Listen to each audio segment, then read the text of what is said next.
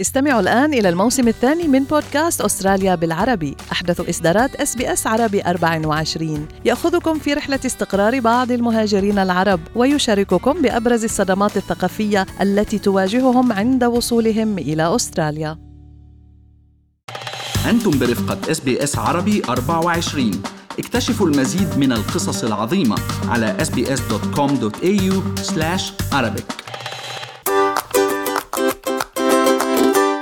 طريق الهجرة. أهلا بكم في فقرة طريق الهجرة من أس بي أس عربي 24 أنا بترا طوق الهندي. وأنا فارس حسن ويسعدنا أن ينضم إلينا خبير الهجرة دكتور طلعت أبو زيد للحديث عن موضوع كثير مهم يعني كثيرين. آه، ليش ترى الأسباب التي تؤدي إلى إلغاء التأشيرات هنا في أستراليا؟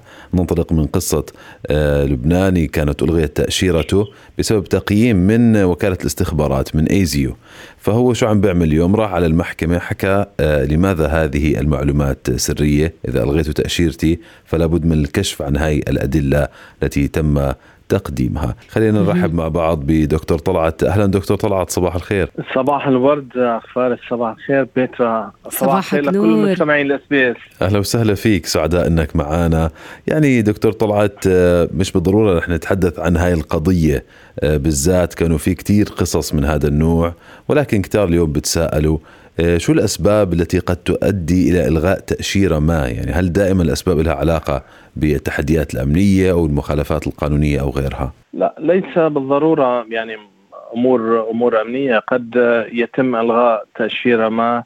إذا لم يلتزم آه، صاحب التأشيرة بشروط التأشيرة آه، مثلا أمور متعلقة بحسن السيرة والسلوك يعني اختبار الشخصية أو إذا تم تقديم معلومات خاطئة لدائرة الهجرة آه، فيجوز طبعا الوزير الذي يتمتع بصلاحيات آه، رفض هذه التأشيرة أو في حال قام الشخص بارتكاب بعض الجرائم ربما جرائم تكون خفيفة أو أو ليست بالضرورة جرائم خطيرة تؤدي هذا يؤدي إلى إلغاء التأشيرة.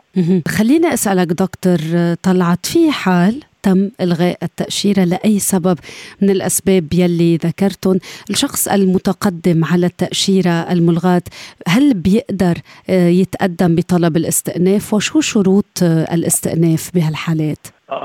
طبعا في إذا رفضت أو يعني أو ألغيت التأشيرة آه، قد يتم آه، يعني يتمكن متقدم أو صاحب التأشيرة آه، بطلب بتقدم بطلب استئناف. لكن إذا اتخذ القرار من الوزير شخصيا لا يمكن الاستئناف لدى دائرة ال AAT المستقلة يعني دائرة الاستئناف.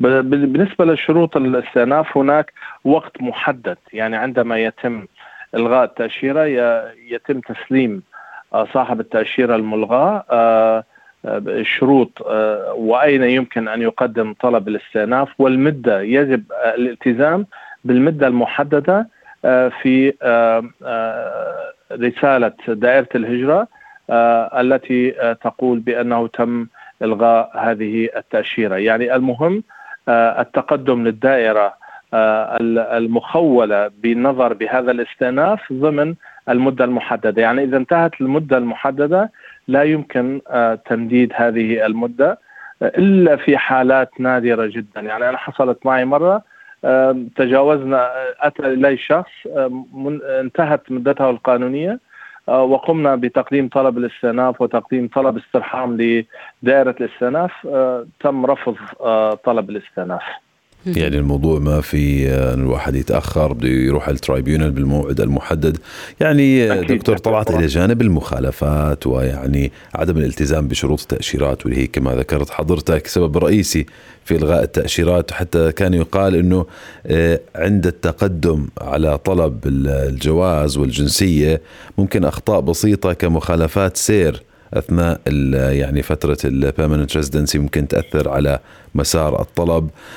يعني البعض يجادل إنه في بعض الأحيان الشخص ممكن هو يكون ارتكب خطأ من البداية بالتعامل مع دائرة الهجرة وأدلى بمعلومات خاطئة. الفورمز كمان. أو حتى يعني أدلى بمعلومات خاطئة وهو رايح من تأشيرة إلى أخرى. أنا سأتكلم بالعموم ثم سأعطيكم نعم. أمثلة.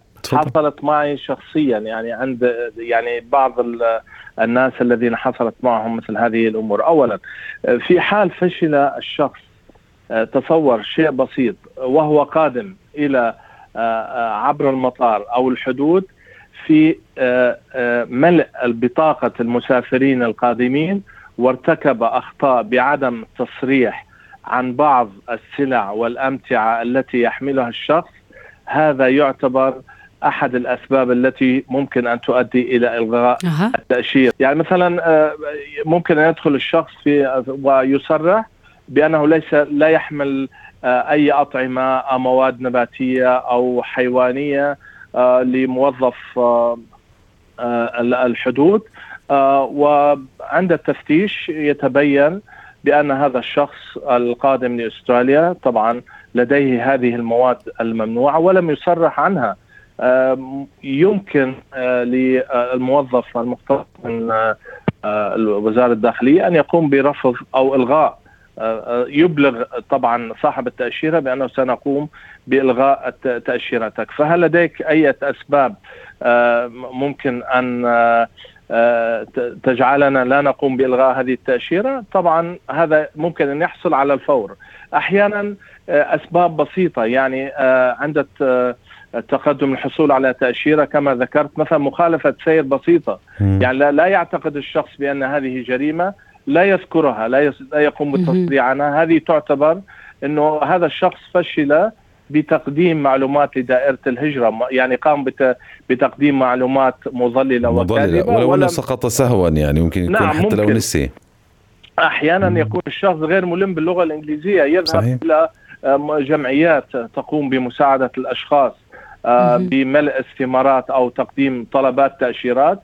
وموظف الموظف يعني يقوم يعني لديه سرعة في ملء الطلب وأحيانا يكون هناك آه، عدم فهم لبعض الأسئلة ولا يقوم الموظف بتكليف خاطره بشرح لصاحب الطلب بأن هذا الأمر يمكن أن يؤدي إلى إلغاء التأشيرة، حصلت معي كثير من الأشخاص أتوا إلي و آه، يعني تم إلغاء تأشيرتهم. آه، لأسباب آه، صدقني تافهة جدا عدم التصريح عن آه، بعض هذه المخالفات التي تم ارتكابها، بعض الأشخاص يقومون بإخفاء آه، بعض المعلومات ليس بقصد نية يعني تضليل دائره الهجرة لك ممكن أن يكون الشخص آه، نسي آه، أن. يذكر آه، آه، مثلا آه، معلومة ما آه، هناك كثير من الأشخاص آه، حاملي طلبات اللجوء آه، سافروا إلى بلدانهم الأصلية.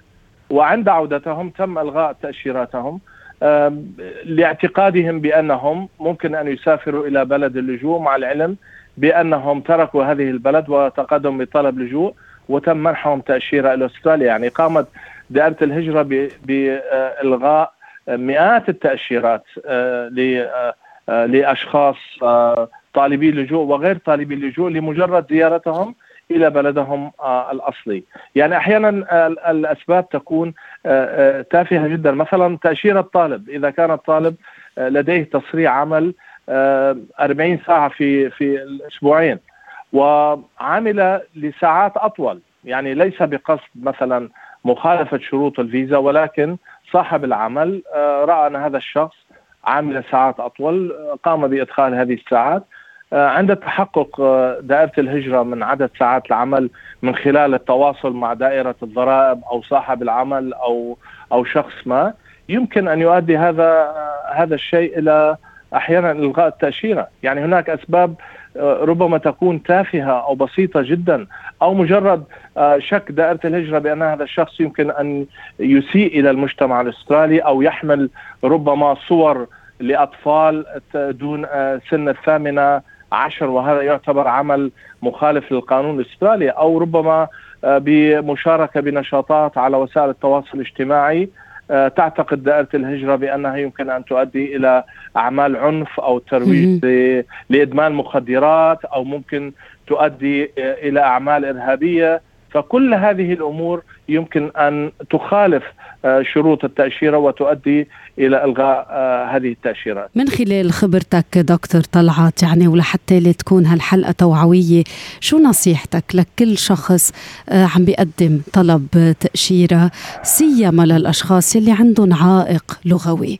بصراحة يجب أي شخص يقوم بتقديم طلب تأشيرة أن يلجأ إلى إنسان مختص بشؤون الهجرة سواء كان آه، محامي هجرة أو آه، مستشار هجرة وكيل هجرة ولا يقوم باللجوء إلى بعض الأصدقاء أو آه، أو المعارف الذين يقومون بالادعاء بأنهم خبيرين وضليعين في شؤون الهجرة ويقومون بملء هذه الاستمارات التي تؤدي إلى أحيانا إلى كوارث يعني تدمير تدمير أسر. يعني ممكن هذا الشخص أن يأتي إلى أستراليا ويتم إلغاء تأشيرته لأنه بعد فترة مثلا عند التقديم للجنسيه آه، يتم تقديم معلومات مخالفة للمعلومات الأولى الموجودة في تأشيرة آه، التأشيرة الأساسية.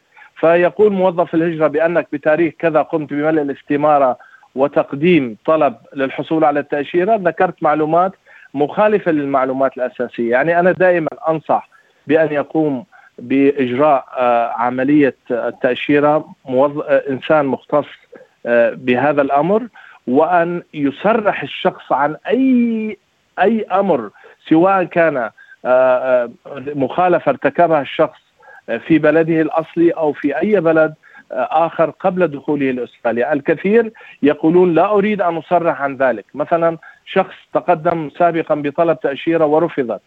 يقوم بتقديم تأشيرة أخرى مثلا طلب تأشيرة الشريك زواج مثلا. لا يذكر بأنه في بتاريخ كذا تقدم وتم رفض آه، آه، طلبه بتاريخ مثلا خمس أو عشر سنوات. يعتقد بأن ذاكرة آه، دائرة الهجرة قصيرة.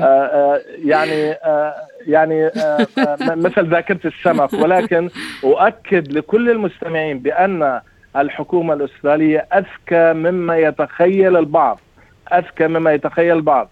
يعني هناك معلومات موجودة لأشخاص حضروا لأستراليا من عشرات السنوات وما زالت هذه المعلومات تحفظ. والذي يقول بأن هذه المعلومات بعد سبع سنوات يتم إتلافها ويتم آه، الغائها من آه، آه، الأنظمة الموجودة بأستراليا والأجهزة الموجودة فهذا فهو إنسان يعني طبعا يعني مش ملم بال نعم ساذج وهناك أمر خطير نعم. كمان. مم.